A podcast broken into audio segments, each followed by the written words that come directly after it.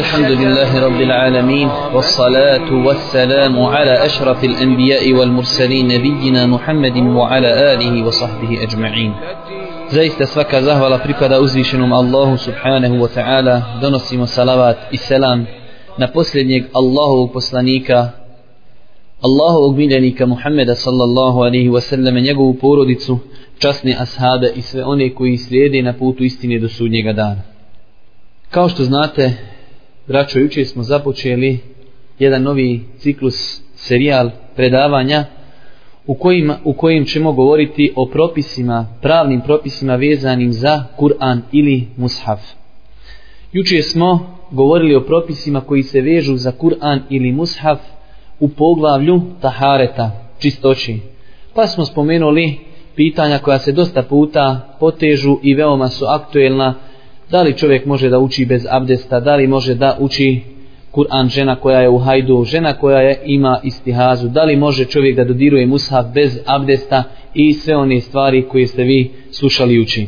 Danas ćemo ako Bog da početi da govorimo o pravnim propisima vezanim za Kur'an u poglavlju namaza. Znači govorit ćemo, kao što ćete vidjeti, o tome šta je obavezno da se uči u, kur, u namazu od Kur'ana, šta je pohvalno? Naglas da se uči u sebi, da se uči i mnogo drugih stvari koji su zasigurno potrebne svakom čovjeku koji vjeruje Allah subhanahu wa ta'ala i sudnji dan i osoba koja želi da se pridržava propisa Allahove subhanahu wa ta'ala vjeri. Jer čovjek musliman svakim danom minimalno inša Allah obavlja pet puta namaz i veoma su mu potrebne ove stvari, tako da vidjet ćete da su to većinom stvari koje se vežu za našu svakodnevnu praksu. Pa počet ćemo od pitanja da kažemo da pet pravnih škola ima jednoglasan stav da klanjač, da je klanjač obavezan da uči nešto u namazu. Malo je to jedan čudan uvod, ali vidjet ćete kako će se on odmotati. Znači, pravne škole, pet pravnih škola imaju zajednički stav da je čovjek obavezan da nešto prouči u namazu.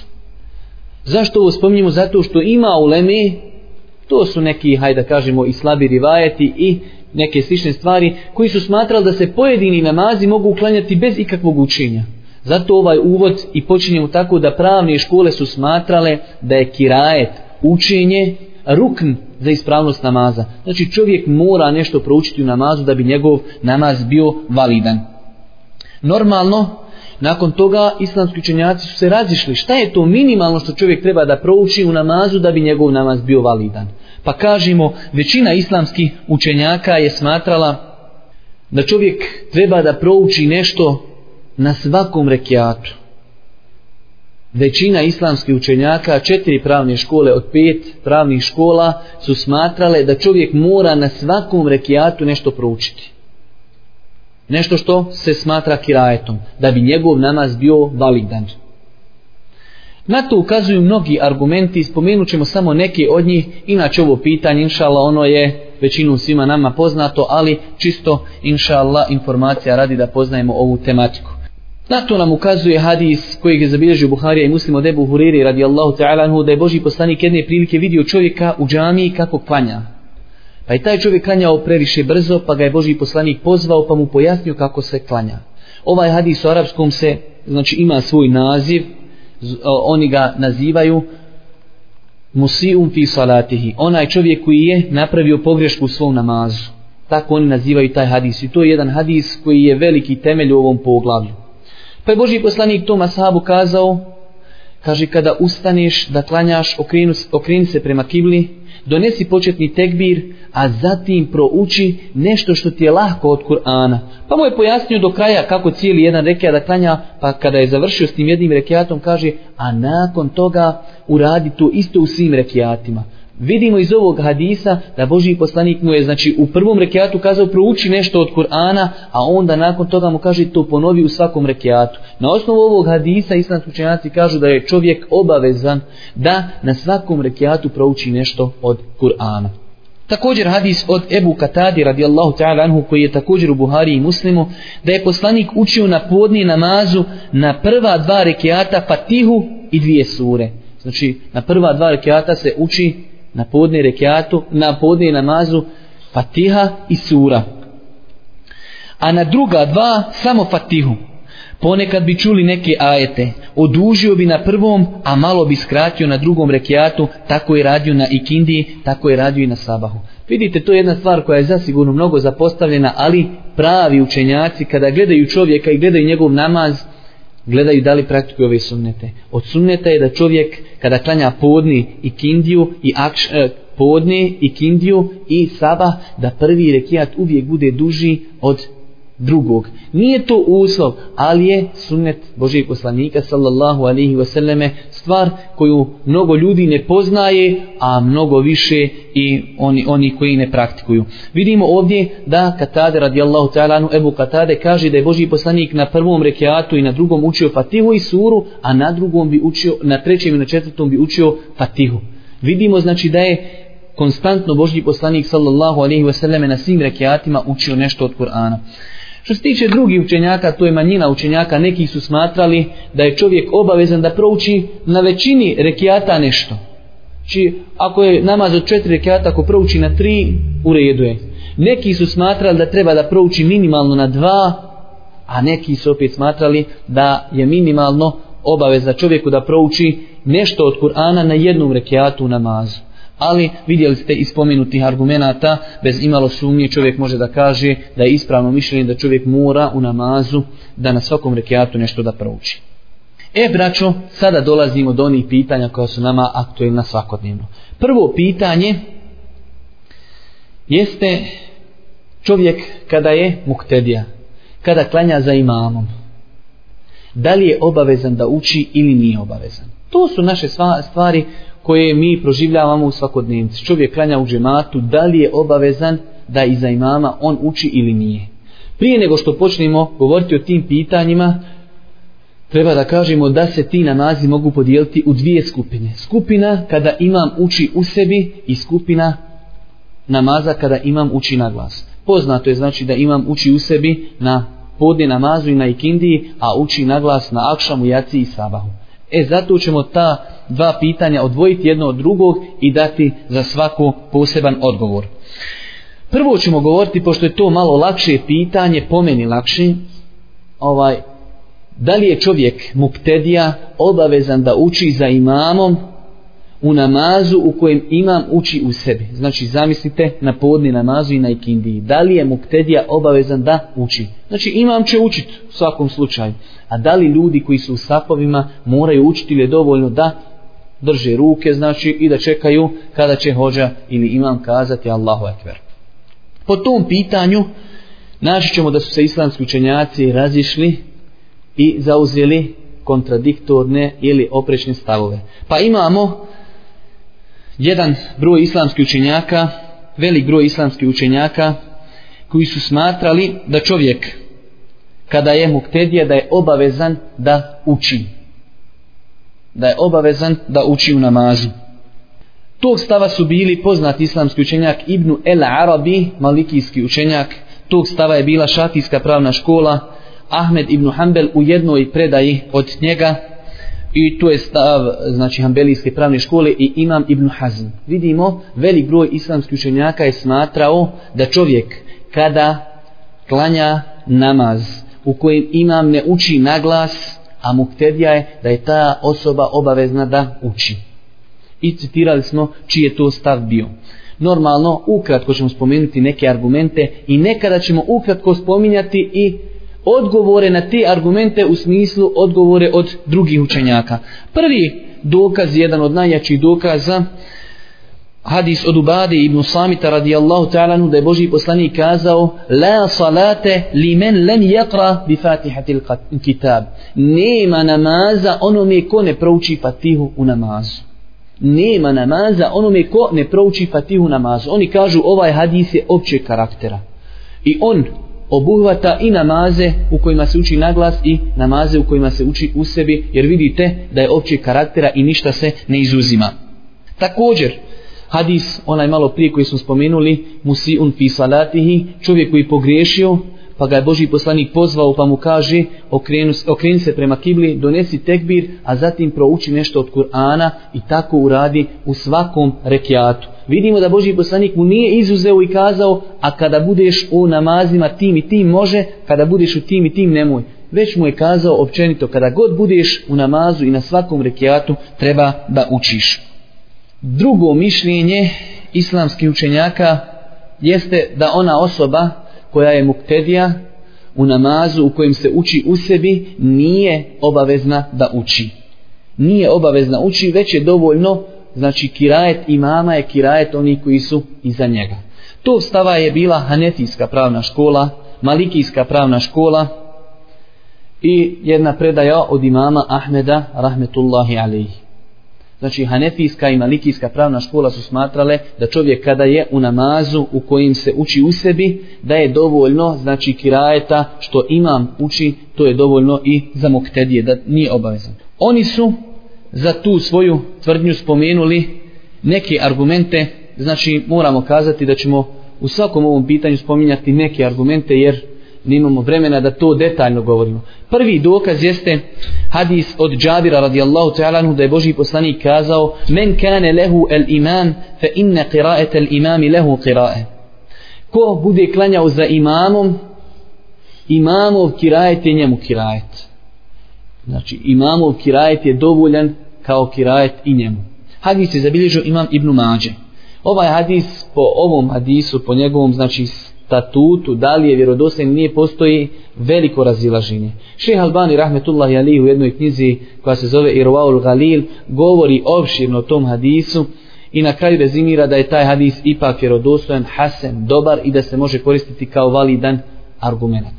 Znači da je Božji poslanik kazao, kada neko od vas klanja, kirajet njegovog imama je njegov kirajet. Možemo sada na kraju samo spomenuti i preferirati jedno mišljenje po meni, mišljenje prve skupine učenjaka koji su zastupali da čovjek kada je u namazu gdje se uči u sebi, da je obavezan da uči to mišljenje po meni jači. Zato što ovaj nema kontradiktornosti nikakve, jer ovdje ovaj hadis možemo kazati da se odnosi na namaz u kojem imam uči na glas. Dok oni hadisi su opće karaktera, vi kaže Boži poslanik, nema namaza osim onome ko ne prouči fatihu. Znači, da rezimiramo i završimo ovo pitanje, kada je u pitanju namaz u kojem imam uči u sebi, po ispravnijem mišljenju islamskih učenjaka čovjek muktedija treba da uči u namazu.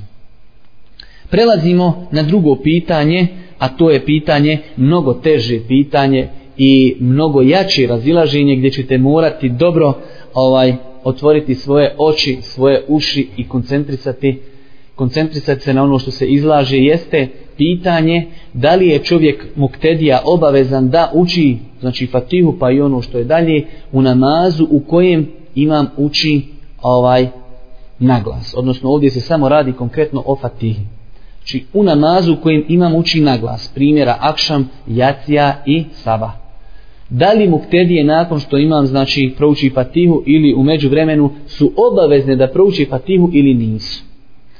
Po ovom pitanju ja sam nedavno odgovarao za studio DIN ovako pitanje i spomenuo sam da je ovo jedno od pitanja gdje su se zaista, zaista žestoko razišli islamski učenjaci u smislu žestoko da svaka grupa ima jake argumente. Do te mjeri da čovjek kada čita argumente jedni kaže ovo je ispravno i ovo je jači. I samo u istom momentu kad počneš čitati druge argumente, dok završiš te argumente kažeš ovo drugo je jače toliko je jako razilaženje, ovaj, to ne znači da postoji kontradiktornost u šerijatu, već se znači vidjet ćete dosta puta vraća na svatanje argumenta. Pa da počnemo uz Allahu subhanahu wa ta'ala dozvolu pa kažemo, imamo učenjaka koji kažu da je čovjek u takvoj situaciji obavezan da uči Kur'an. Znači, o čemu govorimo? Moramo non stop ponavljati. Govorimo o namazu u kojem imam uči naglas da li muktedije moraju proučiti fatihu. Pa ovaj dio islamskih učenjaka je preferirao mišljenje da se fatiha mora učiti. Tog mišljenja je bio imam Šafija i njegova pravna škola, šafijska pravna škola i jedan rivajet od Ahmeda ibn Hanbala, rahmetullahi alihim, i ibn Hazm. Ibn Hazm, Imam Šafija i jedna predaja od imama Ahmeda. Spomenut ćemo neke argumente kojima su oni argumentovali svoje mišljenje. Prvi argument koji smo malo prije citirali, hadis Ubadi, uh, e, Ubadi ibn Samita, la salate li men lem jakra bi fatihatil kitab. Nema namaza onome ko ne prouči fatihu. Hadis općeg karaktera. Hadis općeg karaktera. I obuhvata sve vrste namaza. Ali usput ćemo spomenuti neke odgovore oni učenjaci koji nisu zastupali ovo mišljenje kažu jest on općeg karaktera, ali su došli drugi hadisi koji svega toga izuzimaju muktediju kada je u pitanju namaz u ovaj u džematu i kada je u pitanju namaz kada imam uči naglas onaj hadis ko ima dne imama, kirajet njegovog imama je njemu kirajet. Oni kažu jest, sve se slažemo sama osim tu. Tu nije općeg karaktera, već se to izuzima. Također neki su kazali da tu kad kaže Boži poslanik la salate, nema namaza onome ko ne preuči fatihu, tu se kaže misli na potpunost namaza, ne misli se da nije ispravan namaz. Kao što kaže Boži poslanik u hadisu, la yu'minu ahadukum hatta yuhibba li ahihi ma yuhibbu li nafsi. Neće niko od vas vjerovati dok ne bude volio svom bratu ono što voli sebi.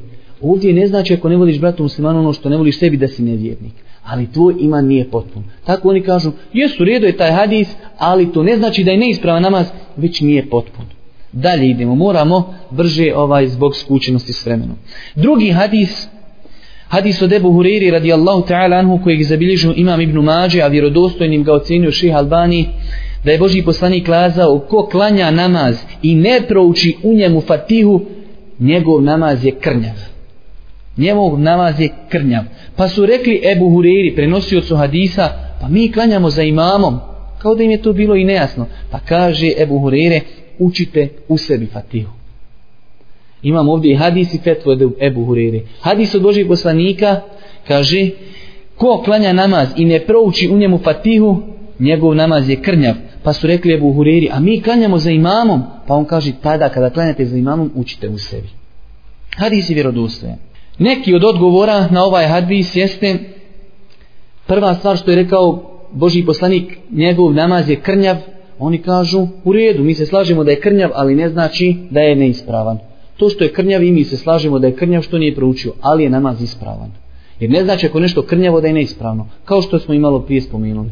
A što se tiče, kaže fetve Ebu Hureyri da treba učiti u sebi, to je njegovo razumijevanje hadisa, ali imamo i druge fetve ashaba koji su davali fetvu da ne treba učiti. A kada dođu u kontradiktornost fetve ashaba, znači onda se ostavlja mišljenje jednih i drugih, traži se nešto što će ojačati jedno mišljenje. Ali ovdje znači nama je bitno da su ovi učenjaci odgovorili na obe stvari. To što je krnjav namaz ne znači da je neispravan, a to što je Ebu Hurire dao fetu da se uči u sebi, ima asaba koji su smatrali da se ne treba učiti fatiha. Treći argument, hadis musiju salati, znači onaj koji je pogriješio u svom namazu, kada mu je Boži poslanik sallallahu alaihi wasallam kazao, znači prouči nešto što ti je najlakše od Kur'ana, pa mu je kazao onda to ponovi na svakom rekiatu. I na taj hadis se može kazati da se to misli općenito, a istoga se izuzima namaz kada imam uči naglas zbog onog hadisa koji ćemo mi poslije spomenuti kao njihov argument gdje, oni, gdje kaže Boži poslanik ko bude klanjao za imamom, kirajet imama i njegov kirajet. I četvrti hadis, pazite ovaj hadis, ovaj hadis ne ostavlja čovjeka da ga ne obori s nogu. Moraš povjerati da je ovo najjače mišljenje. Hadis od Ubade ibn Samita. Bili smo iza poslanika sallallahu alaihi ve selleme na sabah namazu. Pa kada je završio, završio namaz, okrenuo se i kazao Možda učite kada ste muktedije, kada ste iza mene. Pa su kazali da u Allahu poslaniče, mi učimo. Pa je kazao Boži poslanik, ne činite to osim fatihe, jer nema namaza onome ko ne prouči fatihu. Poslanik nakon sabah i pita, kaže, kao da ja čujem da vi nešto učite. Jel učite? Kaže, učim. Kaže Boži poslanik, nemojte ništa učiti osim Fatihe, jer nema namaza onome ko ne prouči Fatihu. Ali, hadis je zabilježio Ebu Davud i Tirmizi, a Ših Albani ga je ocenio slabim, iako ima uleme koja ga je smatrala vjerodostojnim. To su neki šerijatski dokazi, samo ću spomenuti ukratko neki razumni dokaze. Uleme koja je smatrala da je to obaveza. Oni kažu, učenje fatihe u namazu je rukn i to je inšala svima poznato. Pa kažu oni kako god ne možeš izostaviti neki drugi rukn da li ruku, da li seždu, da li nešto drugo tako ne možeš ostaviti i učenje fatihe. Ali ovi drugi im odgovaraju pa kažu kako čovjek kada prispije na, na prvi rekat ili drugi i nije stigao fatihu već je stigao imama na ruku taj rekat mu se ovaj piše. Pa su im rekli, znači to što ste rekli nije sto posto tako, jer nekada šerija dozvoljava da se ne prouči fatiha, pa su im što je ovaj zasigurno po većinskom dijelu islamskih učenjaka velikoj većini kada čovjek stigne imama na ruku oni stigo taj rekat. A nije učio fatihe onda im oni kažu e vidite kako ovdje šerija dozvolio da se fatiha ne prouči tako i to. Znači analogija vam nije jaka. Što se tiče drugog dijela islamskih učenjaka, to je dio učenjaka koji su smatrali da nije obavezno učiti Fatihu. Normalno, znači ako ima prostora, ima vremena, to će se proučiti. Ali je pitanje, znači, je li obaveza ili nije. Oni su smatrali da nije obavezno učiti Fatihu. Tog stava su bili Hanefijska pravna škola, Malikijska pravna škola, Šatijski mezheb, stari. Juče smo sećate se govorili to da imate nako malo ovaj predstavi radi šafijski mezheb ima dva mezheba. Stari mezheb i novi mezheb. U starom mezhebu šafija je davao fetve da čovjek nije obavezan učiti fatihu namazu, a poslije u novom mezhebu je davao fetve da se mora učiti fatiha. I Ahmed ibn, Ahmed ibn Hanbel u ovaj riva, i također od jedan rivajet od Ahmed ibn Hanbela i ta hambelijska pravna škola većinom zastupa to mišljenje. Sjećate se kad smo čitali fetve od Šeha bin Baza, rahmetullahi alihi, da je on preferirao to mišljenje da čovjek ovaj da je čovjek, on je znači uzeo drugi rivajet od Ahmeda ibn Hanbela, da je čovjek obavezan da uči Fatiju. Znači da ponovimo, Hanefijska pravna škola, Malikijska pravna škola i u jednom rivajetu Ahmed ibn Hanbel su smatrali da nije obaveza učiti fatihu u namazu u kojem imam uči naglas. I to je bio stav šihul Islama ibn Taymiye, rahmetullahi alihi. Ukratko ćemo spomenuti neke argumente i odgovore na te argumente. Ukratko. Prvi argumentat kojim su oni argumentovali svoje mišljenje jeste riječ Allah subhanahu wa ta'ala fa iza quriya al-Qur'an fastami'u lahu wa ansitu la'allakum turhamun. Kada se uči Kur'an pažljivo slušajte šutite da biste bili pomilovani. Kaže Allah dželešanu kada se uči Kur'an pažljivo slušajte. Ako čovjek ima uči Kur'an a ti učiš Fatihu da li ćeš ti moći pažljivo njega slušati? Nemoguće. Ahmed ibn Hanbel rahmetullahi alejhi kaže أجمع الناس أن هذه الآية الصلاة muslimani imaju jednoglasan stav da se da je ovaj ajet objavljen povodom namaza. Znači da se odnosi na namaz. Kada imam uči namazu, tebi je obavezno da ga slušaš. Na osnovu ovog kuranskog ajeta, i on je spomenuo kao povod objave tog kuranskog ajeta je da je taj namaz se odnosi, taj ajet se odnosi na slušanje učenja imama u namazu.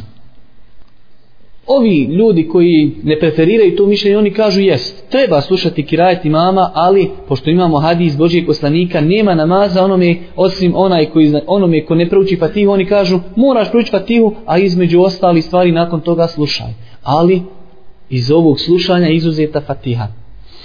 Također, pogledajte ovdje, Šehul Islam ibn Taymi govori o jednoj stvari veoma lijepo i kaže čovjek kada sluša fatihu i kada sluša kirajet, pogotovo fatihu, kaže, on će aminati na tu fatihu. A aminanje kao kaže da si ti od onih ljudi koji su proučili tu fatihu. Jer tamo navodi primjer Musa alihi salatu wasalam i Haruna. Musa alihi salam je uputio dovu Allahu, a Harun je aminao. Pa kaže Allah Đelešanhu, leqad uđibe da'vatakuma, vašoj dovije se, kaže, vaša dova je uslišana. Harun nije činio dovu, već je Aminu, ali je Allah Đelešanu opisao tu dovu kao da su njih dvojica zajedno činili. Tako i Fatihu, kada je imam uči i ti na kraju kažeš Amin, kao da si je i ti proučio, znači zato što osoba koja sluša i Amina uzima propis onoga ko radi dotično to djelo. To je inšala jasno. Drugi dokaz, hadis Ebu Hureyri, kojeg zabilježu imam Ebu Davud, da je Boži poslanik kazao innema džuile imamu li ju'temme bihi. Fa iza kebera keb, fa iza kebera kebiru fa iza qara'e fa ansitu. Kaže Boži poslanik sallallahu alaihi wasallam zaista je imam postavljen da slušate.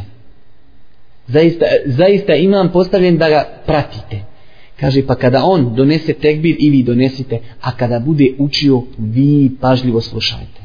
Vi pažljivo slušajte. Ovaj dodatak, vi pažljivo slušajte, znači, ovaj hadis, početak i još dalje kraj njega zabilježen u Buhari i Muslimu. Ali ovaj dodatak, kada uči, vi pažljivo slušajte, sam imam Ebu Davud kaže da to taj dodatak nije vjerodostojan. On je zabilježio taj hadis i kaže nije vjerodostojan. Ali na to su mu odgovorili znači mnogi islamski eksperti između ostalog šehul islam ibn Tejmije i ima muslim ima muslim je kazao ova predaja s ovim znači dodatkom a kada imam uči vi je ovaj vi spažljivo slušajte smatrao taj hadis sahih. Pa su ga upitali, pa zašto nisi taj hadis stavio u svoju zbirku? Pa je kazao, ja nisam stavljao u svoju zbirku sve što sam smatrao da je sahih, već sam smatrao one stvari koje treba da stavim i koje su, kaže, po svima vjerodostojne. Ali taj hadis je, kaže, ima muslim vjerodostojan. Ovi, opet, prva skupina kaže, jest, treba slušat, ali prvo prouči Fatihu, nakon toga, jer Boži poslanik je rekao, nema namaza onome ko ne prouči Fatihu. Treći argument hadis Džabira radijallahu ta'ala anhu da je Boži poslanik kazao men salla khalfa al-imami fa qira'atu al-imami lahu qira'at. Ko bude klanjao iza imama imamu kirajet njemu kirajet. Oni kažu kada imam uči na glas dovoljno je to što on prouči fatihu i nema potrebe da mu ktedije ovaj uči. Ovaj hadis še Albani ocenio Hasan dobrim ali oni su prigovorili na to jedan od osoba koja mu je prigovorila na to znači prigovorili su ovoj ulemi koja je smatrala da ovaj hadis je rodosan, kazali su da je taj hadis daif, jedan od te uleme imam Bejheqi, rahmetullahi alihi. Šehol Islam ibn Taymi je odgovorio na to da hadis ova je vjerodostojan i da njega podupiru ostala načela i principi Kur'ana i sunneta. Treći hadis i inša Allah privodimo kraju ovo pitanje hadis Ebu Hureyre pazite ovaj hadis ovo je zadnji hadis i on rješava rješava pitanje. Hadis od Ebu Hureyre da je poslanik sallallahu alaihi ve selleme završio namaz u kojem je učio na glas. Slično onoj prvoj tamo situaciji. Boži poslanik je kaže završio namaz u kojem je učio na glas. Pa se okrenuo ashabima i kazao je li neko od vas učio sa mnom u namazu? Pa su kazali da. Pa kaže Boži poslanik ja govorim, ja se pitam zašto mi ljudi ometaju učenje Kur'ana. Pa kaže prenosio hadisa, pa je narod prestao da uči zajedno sa poslanikom u namazu u kojem uči naglas kada su čuli riješi Božih poslanika. Hadis je zabilježio imam Et Ebu Daud, a hadis je vjerodostojim od Ših Albani. Znači Božji poslanik se okrenuo, kaže jeste li što učili? Pa kažu jesmo. Pa kaže ja se pitam, ja se čudim kako mi ljudi ometaju učenje Kur'ana. Pa su onda, kaže, prenosioci ljudi kada su čuli te riječi, prestali nakon tog učiti na, ovaj u namazu. Također od razumnih dokaza jeste onaj dokaz gdje smo malo prije spominjali da čovjek ako okasni u namaz i prispije do te mjere da je stigao i mama na ruku, da će taj ruku, znači da će taj rekat biti primjen i da je validan iako nije u njemu učio fatihu. Što znači da nije uvijek da čovjek prouči fatihu. Ovi opet drugi učenjaci kažu to je poseban argument koji je izuzeo tu situaciju, ali je osnova da se čov, da čovjek mora učiti Fatihu. U svakom slučaju, ja lično preferiram mišljenje da čovjek nije obavezan da uči Fatihu, ali znači poštujem svakog onog kog smatra da je to obaveza i zaista je jako razilaženje i u 10 deka što bi narod kazao, znači čovjek malo bolje da pregleda dokaze, malo mu fali znači da pre, promijeni mišljenje pa da možda od sutra praktikuje da je to obaveza. U svakom slučaju u ovom momentu ja preferiram mišljenje da to nije obaveza. Oni koji su smatrali da je to obaveza isto ga izuzimaju onu situaciju, znači kada čovjek stigne na ruku oni to sami izuzimaju i kažu da su o tome došli posebni argumenti Božijeg poslanika, ovaj dokazi, hadisi i da se istog izuzima ta situacija kada čovjek stigne znači imama na ruku ovaj da je taj ruku inšallah i taj rekiat je validan. Na to ukazuju mnogi hadisi, citirat ćemo samo neke od njih. Hadis od Ebu Huriri u Buhari i Muslimu, men edrake rekaten mina salati fe kad edrake sala. Ko stigne jedan rekiat, ko stigne jedan rekiat, stigao je na namaz. A u drugoj predaji tog hadisa stoji, kaže da stigne imama prije nego što imam ispravi svoju kičmu.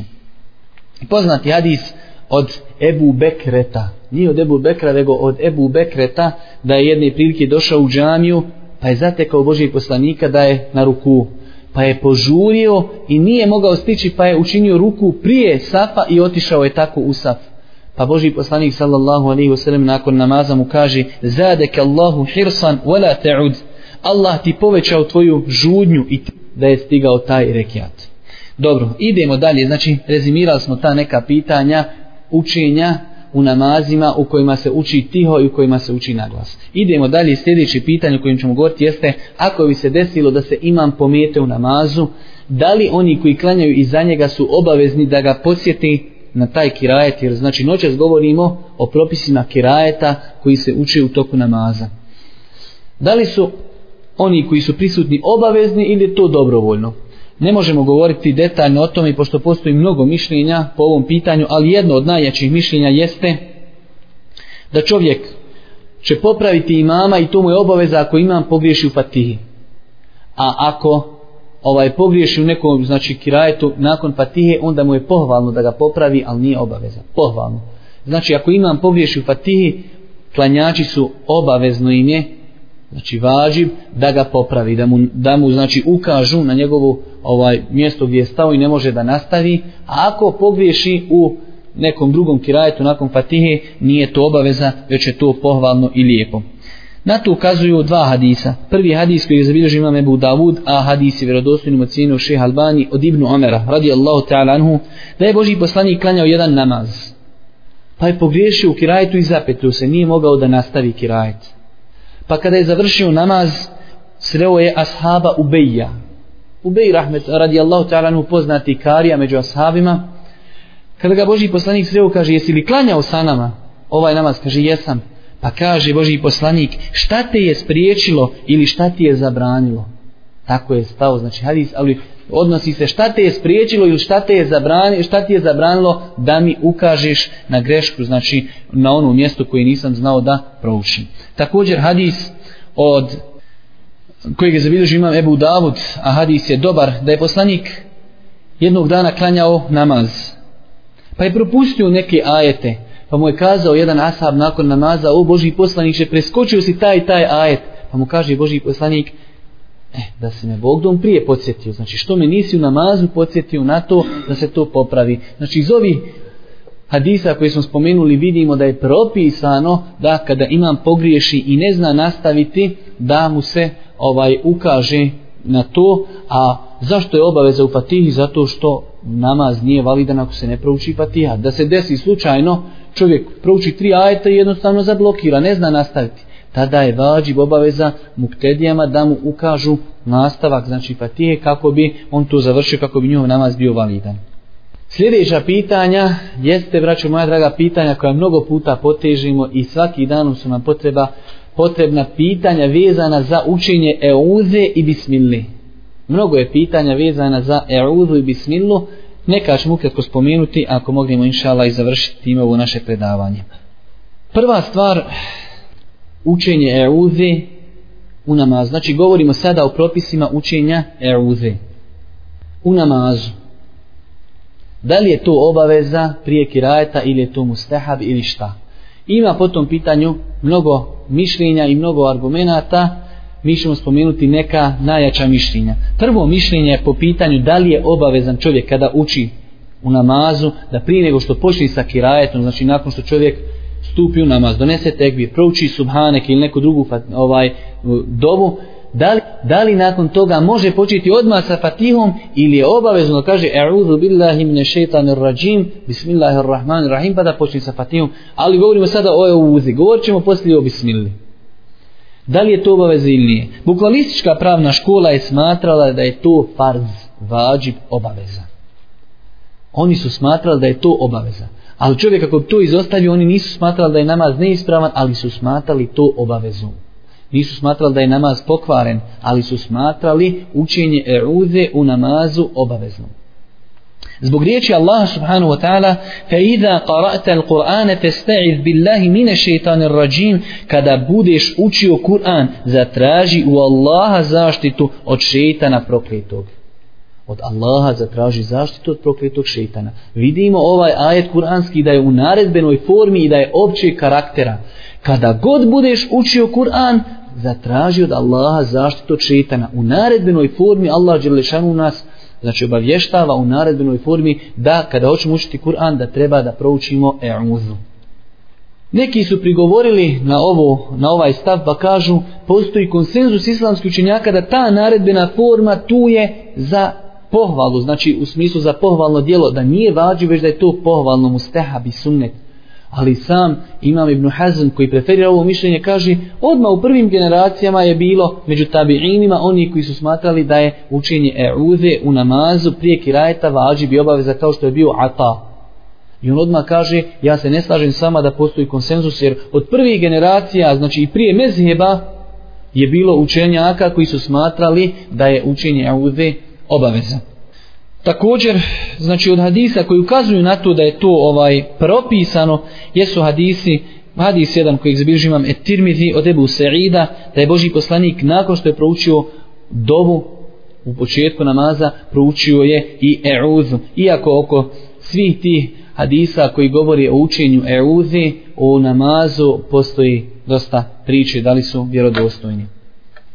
Što se tiče ostalog dijela u Leme, četiri pravne škole su smatrale da čovjeku nije obavezno da prouči ovudnu namazu. Znači, načelno su oni smatrali da je to sunnet. Ali su se razilazili. Ali načelno, znači, Imam Ibn Hazm je smatrao da je to farz, vađib, a oni su smatrali da je to sunnet. Međusobno su se razilazili. Pa, na primjer, šafijska i hambelijska pravna škola, oni kažu u svim dijeloma gdje god se uči Kur'an, ovaj, od sunneta je se prouči e'udha. Muhammed ibn al-Hasan, znači učenik imama Ebu Hanife je smatrao da je sunnet imamu i pojedincu da uči euzu, a onaj ko je muktedija da nema potrebe da uči euzu. I imamo treće mišljenje da su neki smatrali, kao što ima Malik, da se euza, znači sunnet je lijepo da se uči u nafili, a da se ne uči u farzima. Znači prije kada, kada si u farz namazu ne trebaš učiti euzu, a kada si u nafili treba da učiš normalno trebalo bi nam dosta vremena kada bi citirali sve argumente ali ovaj spomenut ćemo samo jedan argument koji ublažuje malo mišljenje imama Ibn Hazma da je učenje Euze Fard. A to je onaj hadis od Ebu Hurere, onog ashaba koji pogriješi u namazu. Pa kada ga je pozvao Boži poslanik pa mu kaže kada staneš u namaz okreni se prema kibli zatim znači donesi početni tekbir i prouči od Kur'ana što ti je najlakše. Nimu je kazao moraš proučiti euzu a da je bila euza strogo obavezna on bi mu kazao prouči euzu nakon toga prouči nešto od Kur'ana. Iako braćo moja draga ne gledajući što to nije stav znači e, četiri pravne škole ovo mišljenje Ibn Hazma je veoma jako mišljenje i čovjek musliman ne bi trebao sebi dozvoljavati da propušta učenje eute prije kirajeta u namazu jer jako je mišljenje da je to obaveza. Iako ne kažem da je obaveza ali kažem da je jako mišljenje koje zaslužuje veliko poštovanje.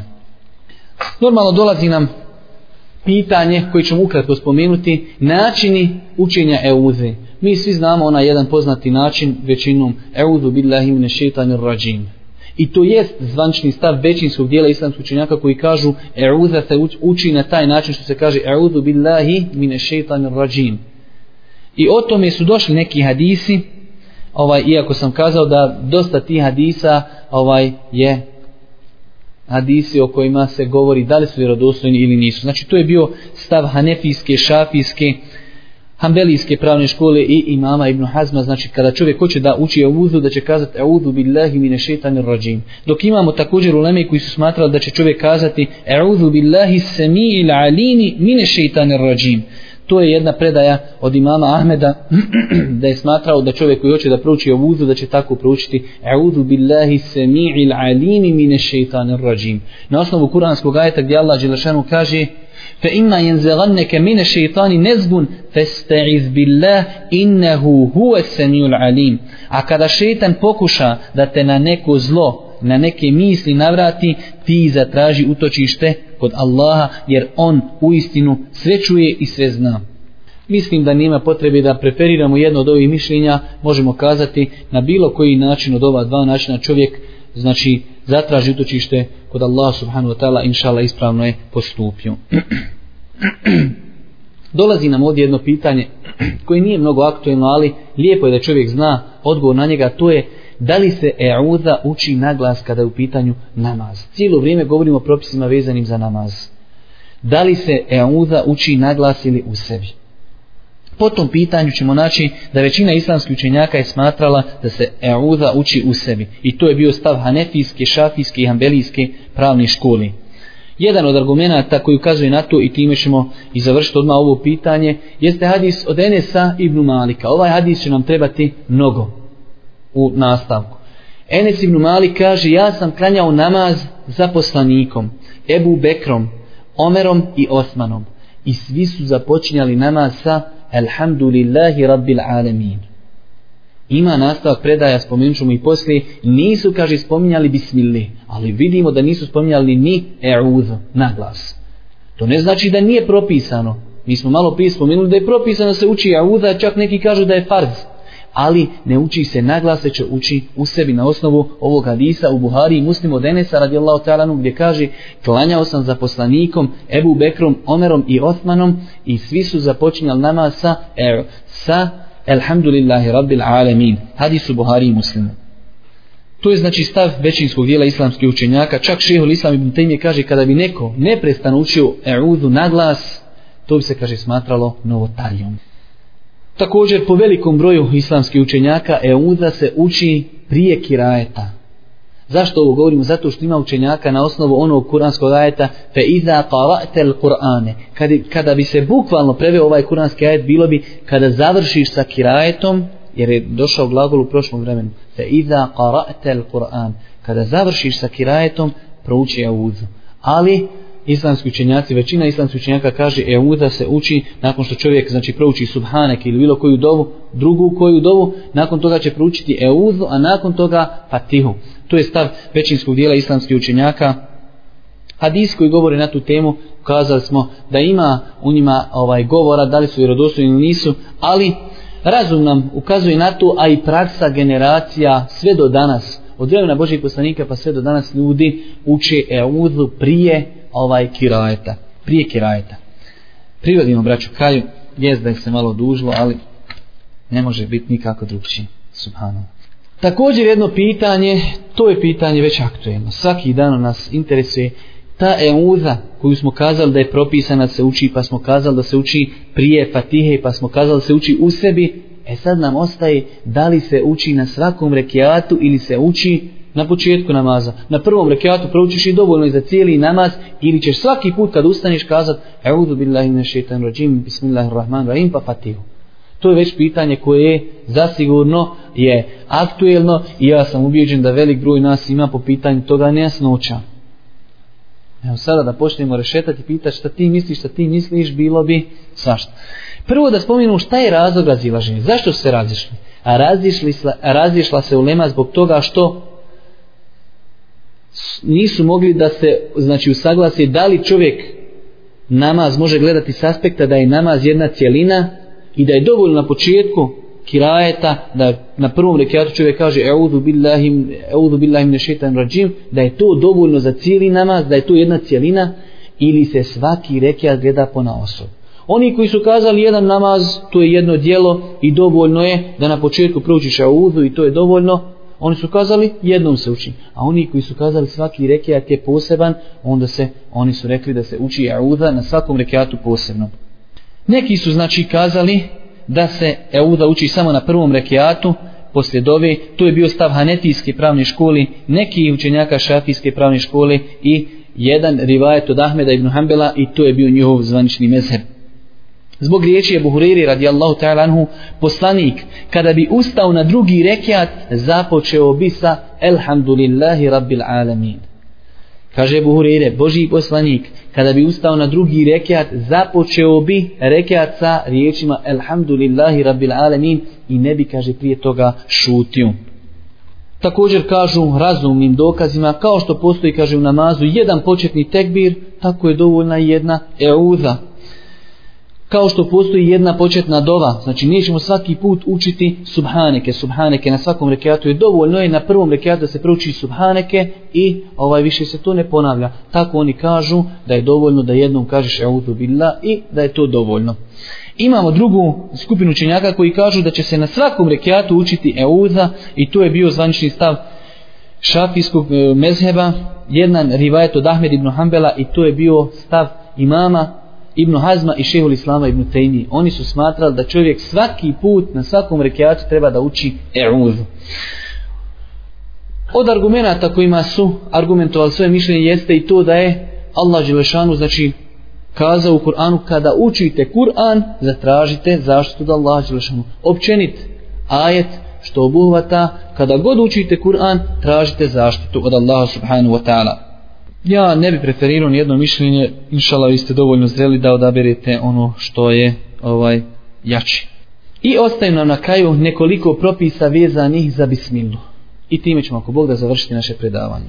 Na samom početku postoji jedno veliko razilaženje i mi ćemo ga skroz preskočiti ako Bog da, a to je da li je bismila sastavni dio Fatihe, da li je bismila sastavni dio svih ostalih sura ili u osnovi da li je bismila sastavni dio Kur'ana. O tom, vjerujte, postoji mnogo govora, mnogo dokaza, toliko dugo da bi nam trebalo jedno predavanje da samo o tome govorim. Ja sam nešto bio kratko pripremio da spomenim, ali vidim da je to ipak naporno i da to možda ne bi bilo ispravno svačeno i tako da ćemo mi to inšala preskočiti. Počet ćemo od pitanja i inšala time ćemo ovaj završiti. Učenje bismile u namazu na glas. Kod nas je praksa da se bismila ne uči na glas. I ne kažem da je to neispravno, ali šta ako bi čuli čovjeka koji uči započni namaz imam i počinje sa Bismillahirrahmanirrahim, Elhamdulillahi Rabbil Alamin. To je praksa velikog broja imama u arapskom svijetu. Ne sad velikog da je većinska, ali nerijetko se može desiti da čovjek dođe u mesčid i klanja, imam uči bismilu. Da li je to ispravno, da li nije ispravno? Vidjet ćemo šta kaže ulema o tomi. Velik broj islamskih učenjaka, većina islamskih učenjaka je smatralo pokuđenim učenje bismilije na početku. Prije fatihi na glas. Pazite, ne govorimo o propisanosti. Bismillah se znači uči, već govorimo o tome da se uči bismillah na glas. Većina islamskih učenjaka je smatrala da se bismillah na glas, znači ne uči i da je to pokuđeno. Tog stava je bila Hanefijska pravna škola, Malikijska pravna škola i jedan rivajet od imama Ahmeda, rahmetullahi alejhi. Zbog čega? Zbog hadisa Enesa. Radi Allahu ta'ala anhu, sjećate se malo prije gdje kaže Enes, radi Allahu ta'ala anhu, klanjao sam za Božim poslanikom, Ebu Bekrom, Omerom i Osmanom i nisu počinjali namaz osim sa Elhamdulillahi Rabbil Alamin, a u jednoj predaji vjerodostojen u muslimu kaže i nisu govorili Bismillahirrahmanirrahim. Tačno znači kao da govori o tom pitanju i kaže nisu učili bismilu na glas. Također hadisa iši u muslimu, poslanik kada bi započinjao namaz, donosio bi tekbir, a nakon toga bi počeo sa kirajetom Elhamdulillahi Rabbil Alamin. Vidimo da ovdje i Aisha radijallahu ta'ala anha kaže da Boži poslanik bi počinjao kirajet sa znači fatihom. Zamislite Enes radijallahu talanu koji je bio sluga Božih poslanika, kaže, klanjao sam za poslanikom, Ebu Bekrom, Omerom i Osmanom i svi su tako počinjali. Što zasigurno ukazuje, zasigurno ukazuje da velika većinska praksa Božih poslanika je bila da nije učio bismilu. Imamo drugi stav, to je stav šafijske pravne škole, da se bismila uči na glas. I oni su to argumentovali sa dva hadisa. Prvi hadis od Ebu Hurire radijallahu ta'ala da jedne prilike Ebu Hurire klanjao ashabima ljudima. Pa je proučio bismilu naglas i fatihu. Pa je završio namaz do kraja, nakon toga im je kazao, ja sam vam klanjao namazom, sličnim namazu Božijeg poslanika, odnosno ponašao sam svojim namazom namaz Božijeg poslanika. Iz čega se uzima da je ovaj bila praksa je Božijeg poslanika i da je učio bismilu na glas. Također hadis od Umu Selemi da je kazala Božiji poslanik sallallahu alihi wasallame prekidao bi kirajet na svakom kraju svakog ajeta. Pa kaže ona pa bi rekao Bismillahirrahmanirrahim Alhamdulillahi Rabbil Alamin Ar-Rahmanir Ovdje ona spomenula znači da je učio i Bismilu I zadnji i treći stav jeste da je pohvalno učiti Bismilu u sebi osim ponekad ako postoji neka potreba ili korist da se prouči bismila na glas. Znači pohvalno je da se bismila uči u sebi. To je znači faktički stav prvog dijela uleme, ali ako postoji nekada potreba za tim, kao da se ljudi poduči iz nekog drugog razloga, onda se ponekad može proučiti bismila na glas. Tog stava je bio šehul islam ibn Tejmije, a možemo kazati da je to mišljenje rad po svim argumentima. Znači da je u osnovi treba da se uči bismillah u sebi, ali ako bi se ponekad na osnovu ova dva hadisa a iši radijallahu ta'ala anha i Ebu Hureyri ponekad proučila bismillah i naglas, inša Allah, to ne smeta. I većina islamskih učenjaka smatra, znači, postavlja se isto pitanje, kao što smo postavili pitanje da li se na svakom rekiatu uči Euza, postavlja se isto pitanje da li se na svakom rekiatu uči Bismillah, ovdje kažemo da većinski dio islamskih učenjaka smatra da se Bismillah uči na svakom rekiatu, znači prije svakog počinjanja ovaj učenja Fatihe. Molimo Allaha Đelešanuhu da nas poduči propisima njegove vjeri, molimo ga Subhanu wa ta'ala da nas učvrsti ovim teškim vremenima, i molimo ga subhanahu wa ta'ala da mu udeje milosti na sudnjem danu. Na kraju subhanaka Allahumma wa bihamdika ashhadu an la ilaha illa anta astaghfiruka wa atubu ilayk.